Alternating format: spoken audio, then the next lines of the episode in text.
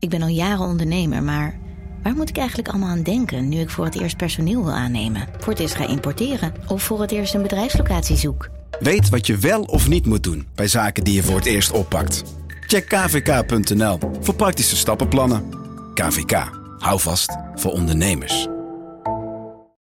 Hey podcastluisteraar. Ook op zoek naar een relevante invulling van je schaarse luisteruren? Tune dan in op de podcastserie ESG, even samengevat van BNP Paribas. Wij, Marloes en Aldert, spreken daar duurzame voorlopers en wereldverbeteraars. Waarover dan? Nou, bijvoorbeeld of we ooit duurzaam kunnen gaan vliegen. En waarom koeien in de stad nou een goed idee is? Dat en meer elke twee weken in een nieuwe aflevering. Dus abonneer je. ESG, even samengevat.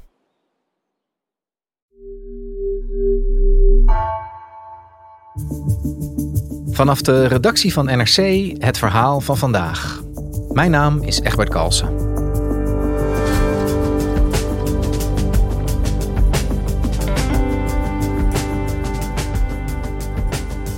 Rotterdamse ambtenaren sloegen vanaf eind 2020 alarm over mogelijke fraude en corruptie bij grote vastgoedprojecten in de stad. Met hun waarschuwingen werd niets gedaan, vertelt onderzoeksjournalist Joep Domen. Hoe kan het zo fout gaan op het gebied van integriteit bij een gemeente?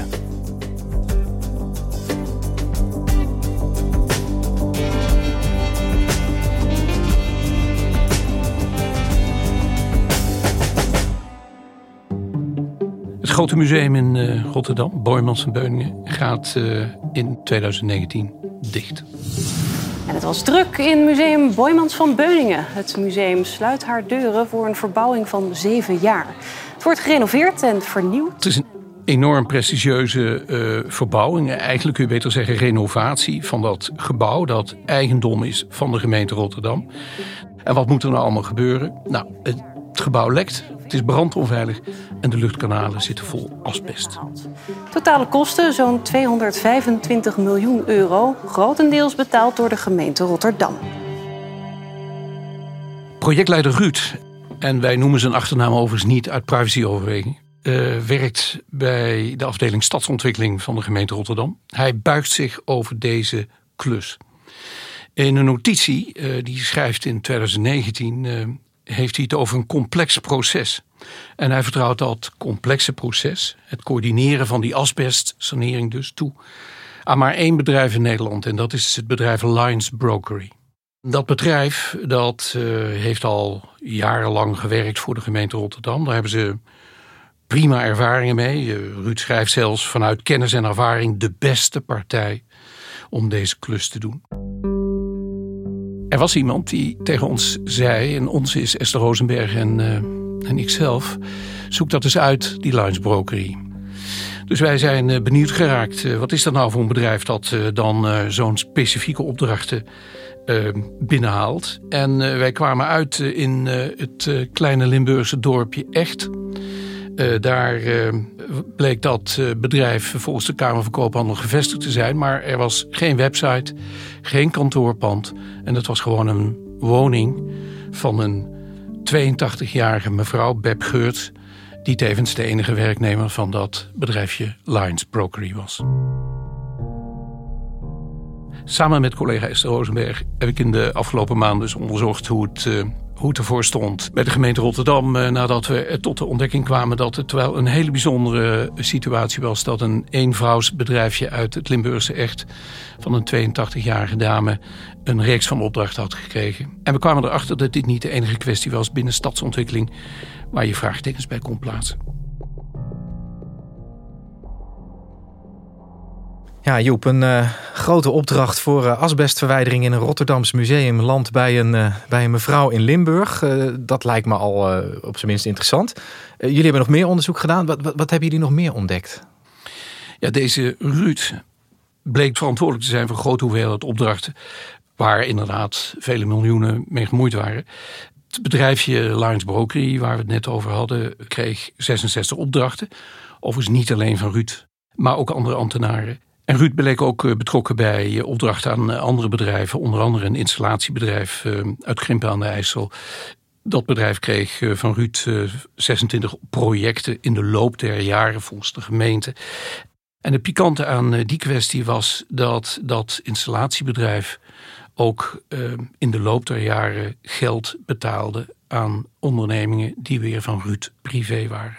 Dus die bedrijven die betaalden die individuele ambtenaar zelf, privé? Ja, het zat zo dus dat Ruud gaf als ambtenaar opdrachten aan dat installatiebedrijf. Een reeks opdrachten gedurende vele jaren. En in die jaren maakte dat bedrijf gelden over naar privébedrijven van Ruud. Ruud was in zijn vrije tijd voetbalmakelaar, gaf adviezen. En hij had daarvoor vier bedrijven opgericht. En ehm, die bedrijven die kregen dus gelden van dat bedrijf dat hij als ambtenaar opdrachten gaf. En die gelden uh, die waren opgeteld 265.000 euro. Dus het gaat om veel geld. Ja, dat is inderdaad een aardige som. Wat zegt hij daar zelf over? Hoe verklaart hij die betalingen? Eigenlijk zegt hij: uh, ik heb mijn, uh, mijn werk en mijn privéactiviteiten keurig gescheiden gehouden. En een goede verklaring voor de investeringen die uh, dat bedrijf deed, hè, want het waren investeringen. Het installatiebedrijf investeerde geld in de bedrijven van de privébedrijven van Ruud, de ambtenaar. En ehm, daar heeft hij eigenlijk heel weinig over verteld. We hebben uitvoerig met hem gesproken, ook met zijn advocaat. En daarin wilde hij eigenlijk uh, uh, op uh, vragen van ons niet altijd antwoord geven. Hey, en we hebben het nu over Ruud. maar jullie zijn nog veel verder gegaan in je onderzoek. Want, want Ruud is eigenlijk een soort pars pro toto volgens mij, hè? Ja, in dat onderzoek dat wij deden liepen we tegen een hele hoop e-mails en interne notities aan.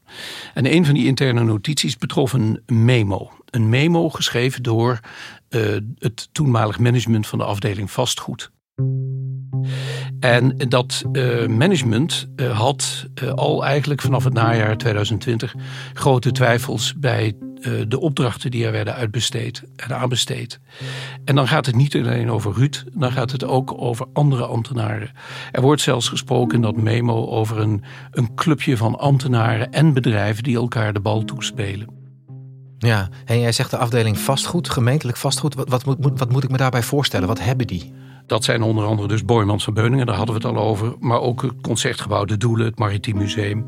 Dat soort panden hè, die in de culturele sector uh, zitten. Maar daarnaast hebben ze ook uh, honderden andere panden, brandweerkazernes, je kunt ze niet noemen. Een van de zes grote afdelingen van de gemeente Rotterdam heet stadsontwikkeling. Binnen die afdeling stadsontwikkeling heb je ruwweg twee poten. Dat is vastgoed. Die uh, zijn, noem het, de eigenaar van de gemeentelijke panden. En de afdeling projectontwikkeling. Die komt in actie als diezelfde gemeentelijke panden moeten worden onderhouden of verbouwd of gerenoveerd. En uh, een kleine groep ambtenaren bleek eigenlijk regelmatig zaken te doen met een kleine groep bedrijven. Telkens terugkeren. Ja, en, en, en mag dat niet? Ik bedoel, als je Ruud hoorde, dan zegt hij van ja, maar dit is het beste bedrijf. Mag hij dan niet uh, een heleboel opdrachten aan hetzelfde bedrijf geven? Er zijn regels uh, voor, qua aanbesteding. En wat bleek was dat waar je meervoudig had moeten aanbesteden, dus waar je meer offertes had moeten vragen, er uh, een één op één gunning was. Dus die concurrentie was uitgeschakeld. En zo zijn er meer voorbeelden. Bijvoorbeeld een opdracht uh, die maar voor de helft uitgevoerd was, maar wel voor 100% al betaald. Ja, dat viel dat management van vastgoed op. Toen ze eenmaal die opdrachten gingen controleren, bleek er van alles mis te zijn. En dat schreven ze allemaal op in datzelfde memo.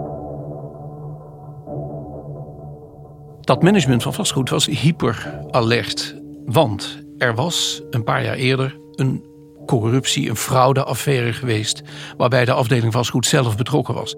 De gemeente Rotterdam is voor bijna 8 miljoen euro opgelicht. Het gaat om dit pand aan de Boompjeskade in Rotterdam. De huurders van dit pand, zoon en vader Kaan, betalen geen huur, maar declareren wel rijkelijk bij de gemeente voor verbouwingen die naar nu blijken nooit zijn uitgevoerd. Een ambtenaar helpt bij het aanpassen, opknippen en onterecht goedkeuren van de facturen. Maar het blijft jarenlang onopgemerkt, omdat de gemeente gewoon niet opletten. Dus dat nieuwe management van vastgoed, dat na die affaire was aangetreden, die zaten heel scherp op de bal. En die zagen hier iets waarvan ze dachten: dit klopt niet. Dat gaan wij melden. Ja, En dus ze schreven een, een, een alarmerend memo, denk ik. Wat, gebeurt er dan vervolgens met zo'n stuk? Die memo is geschreven, wordt naar de directie van stadsontwikkeling gestuurd. En daar uh, ja, wordt eigenlijk niet adequaat, als ik het zo voorzichtig mag zeggen, gereageerd. Er wordt gezegd, ja, dat is kinderzinnen tussen de afdeling vastgoed en de afdeling projectmanagement. We moeten eens gaan praten. We gaan eens uh, samen eten bij uh, de Thai. En dan komt het wel allemaal goed. Maar de kernboodschap van dat memo, namelijk let op jongens. Hier zijn mogelijke integriteitskwesties aan de hand, namelijk mogelijk fraude, mogelijk corruptie werd niet opgepakt. En dat frustreerde dat management van vastgoed dus weer. Die hebben het toen nog eens geprobeerd. Ze hebben mails gestuurd die we ook gezien hebben. Van jongens, doe er wat aan, dit kan zo niet. Ze kregen nul op het request. En dat was het einde van het verhaal. Ja, en, en, jullie hebben dit boven water gehaald, ook het bestaan van dat memo. Hoe, hoe reageert de gemeente daar dan weer op? Als je zegt, joh, er was een alarmsignaal, jullie hebben daar niks mee gedaan. We hebben dus de hoogste ambtenaar van stadsontwikkeling, de concerndirecteur, gesproken. In het stadhuis. Um, haar boodschap was eigenlijk uiteindelijk in dat gesprek. Ja, we hebben een afslag gemist. En ik denk ook als je naar de reactie van de gemeente nu kijkt, dat ze naar aanleiding van onze vragen, naar aanleiding van het artikel, uh, besloten hebben tot een extern onderzoek. Om, uh, naar ze zo zelf zeggen, uh, de onderste steen nu wel boven te halen. Maar wat we constateren is dus dat er drie jaar lang een memo lag waar geen reactie, geen adequate reactie op geweest is. Um, de krant gaat onderzoek doen, komt tot conclusies uh, ziet dat er mogelijk sprake is van corruptie en fraude. Bij tenminste die ene ambtenaar Ruud en mogelijk bij meer ambtenaren. En uh, ja, dat leidt dan pas tot actie van de gemeente. Ja. En dat is natuurlijk merkwaardig. Ja, want hebben jullie daar een verklaring voor kunnen vinden? Waarom uh, komt de gemeente, dus in dit geval stadsontwikkeling, pas in actie op het moment dat jullie aan de deur staan? Dat zou wel eens iets te maken kunnen hebben met de cultuur die we hebben aangetroffen binnen die gemeente bij stadsontwikkeling en ook bij vastgoed. Een cultuur waar um, eigenlijk van bovenaf er gezegd wordt: ja, als je kritische opmerkingen hebt, dan doe je moeilijk. Uh, men wilde dat niet. Men had een affaire gehad, die boompjeskade-affaire, en wilde dat eigenlijk niet meer. En dat is natuurlijk terugkijkend, eigenlijk de totale foute reactie. Hè? Als er iets van die affaire, van die boompjeskade geleerd was, dan hadden ze juist een alertheid gehad op dit soort signalen. Maar het blijkt dus niet zo te zijn. Het omgekeerde is eigenlijk waar, want uh, het management van vastgoed, dat dus met dat memo komt en, kritische signalen uh, lanceert, wordt in een hok gezet en gezegd van kappen ermee, het is goed. En we zijn dat verder in ons onderzoek ook elders tegengekomen. Wij liepen ook tegen een, uh, een ander project aan, het Wijkpaleis. Nou, het Wijkpaleis is een mooi oud gebouw, uh, ja, wat gemiddelde Nederlanders een gemeenschapshuis zou kunnen zien. Dat uh, werd gehuurd door een stichting die daar uh, uh, allerlei zaken organiseerde. Dit is het Wijkpaleis in Rotterdam-West. We hebben een wijkkeuken, een textielatelier, een maaklokaal en een houtwerkplaats. En uh, voor ons zijn dat publieke productieplekken. Dus plekken waar mensen uit de wijk kunnen komen om te maken. Maar die stichting wilde dat wijkpaleis, dat gebouw, graag kopen van de gemeente. Een transactie van 1,8 miljoen euro af te handelen door de afdeling vastgoed. En die afdeling vastgoed die zat er, zoals gezegd, na die boompjesaffaire scherp in. Dus die wilde kijken, dat gaat hier om 1,8 miljoen euro. Wij moeten toch eens kijken naar hoe zit het met die geldstromen van die stichting die dit wil kopen. Um, moeten we niet een bibop doen? Een bibop, dat is uh, de wet bibop die het mogelijk maakt dat gemeenten een onderzoek kunnen doen in de registers van de politie en uh, de Belastingdienst. Naar mensen met wie men aan wie men vastgoed wil verkopen. Ja, een soort toets om te kijken of die mensen ja. wel, wel eerlijk bezig zijn. En of dat wit, grijs of zwart geld is bijvoorbeeld. Ja. Nou, die afdeling wilde dat doen. En dan zie je dat die cultuur van ach, doe nou niet zo moeilijk. Dit is toch een, uh, een prima stichting. Ach, dat geld komt toch uit goede bron. Waarom zou je een biep op doen? Nou, datzelfde gevoel wat we dus zagen net bij die Boymans van Beuningen. En het niet oppakken van de signalen van vastgoed, dat keert daar terug. Die afdeling vastgoed die had te maken met een transactie van 1,8 miljoen. Daar waren allerlei geldschieters. En vanuit de politiek, uh, maar ook uh, sommige andere ambtenaren werd gezegd: ach, die Bibop hoeft niet. En doe nou niet zo moeilijk, het is toch een, uh, een goed project. Een van de grote investeerders van dat, zeg maar de financiering van de aankoop van dat wijkpaleis, was de Stichting De Verre Berg. De Stichting De Verre Berg is een van de goede doelenstichtingen van een van de rijkste families van Nederland, de familie van de Vorm. Het zijn multimiljardairs en hebben hun geld ondergebracht in belastingparadijzen. Dus twee ambtenaren zagen die investering van ongeveer een half miljoen aan de stichting Het Wijkpaleis. En die zeiden, ja, die Bibop die zegt ook dat bij dit soort transacties we moeten kijken naar de herkomst van het geld.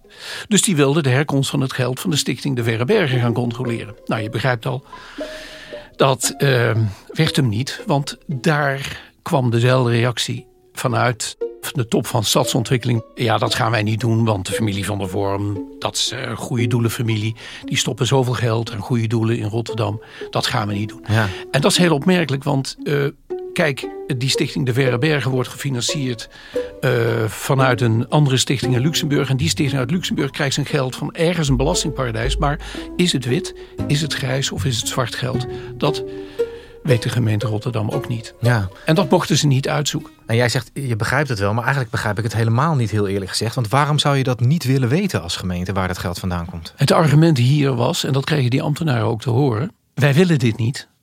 Want dat kan de verhouding met de familie van de vorm vertroebelen. De gemeente Rotterdam is zielsgelukkig met uh, al het geld dat de familie van de vorm in sociale en uh, uh, maatschappelijke projecten in de, in de gemeente Rotterdam stopt.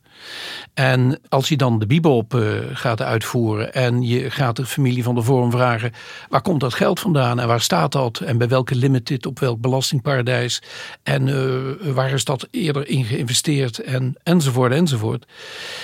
Men was heel bang dat de familie, dat zeg maar de geldstroom van de familie dan zou opdrogen. Het, het voelt bijna een beetje alsof de gemeente bang is om de hand te bijten die ze voedt, hè?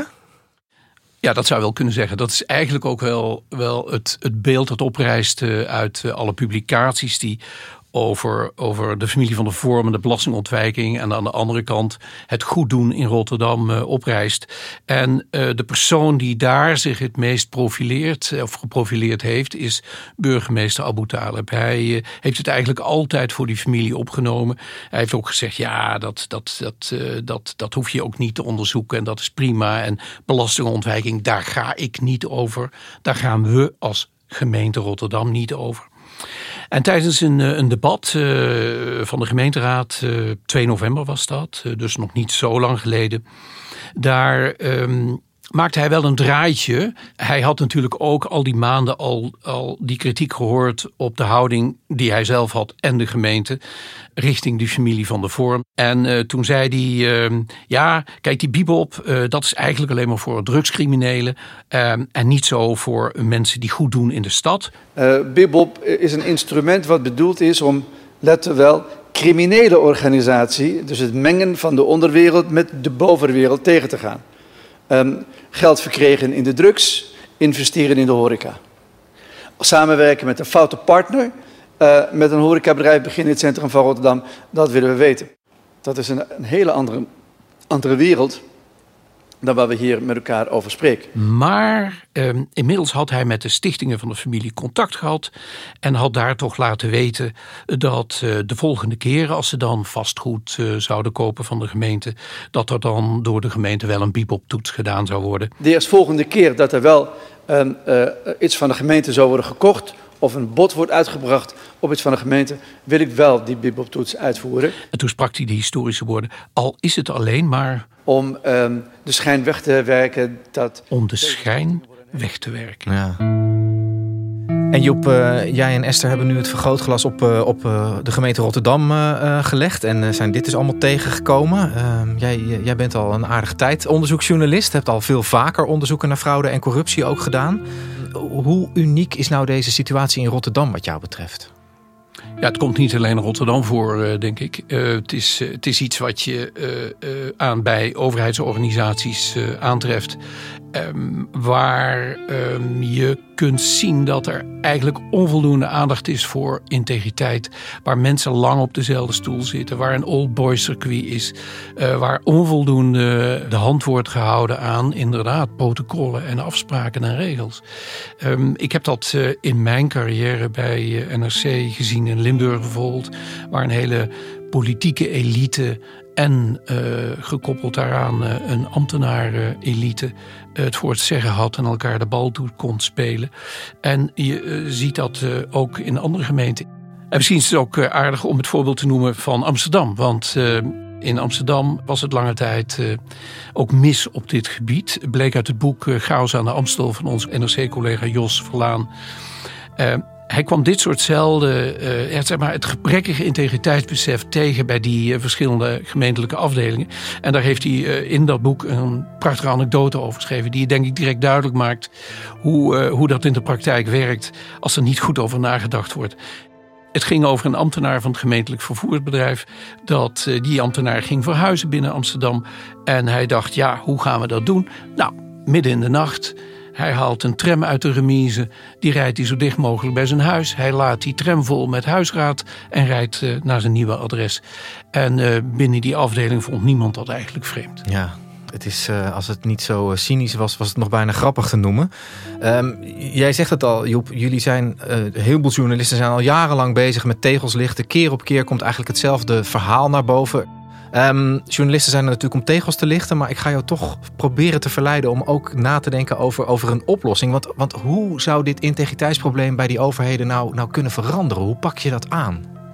Ja, er zijn hele bureaus die hier hun geld mee verdienen. Met uh, integriteitsbesef aankweken.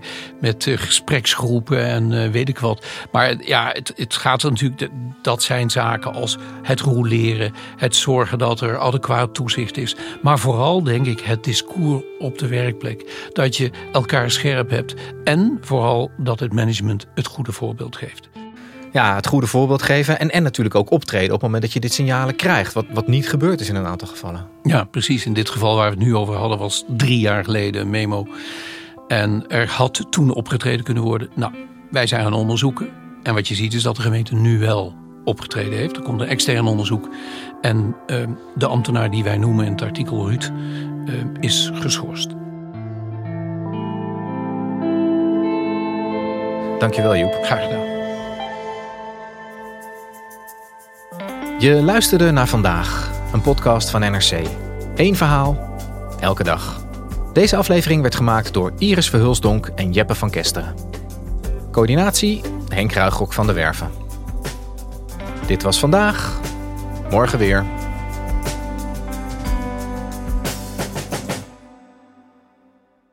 Technologie lijkt tegenwoordig het antwoord op iedere uitdaging. Bij PwC zien we dit anders. Als we de potentie van technologie willen benutten, kunnen we niet zonder een menselijk perspectief. Human-led, tech-powered noemen we dat. Ga naar pwc.nl.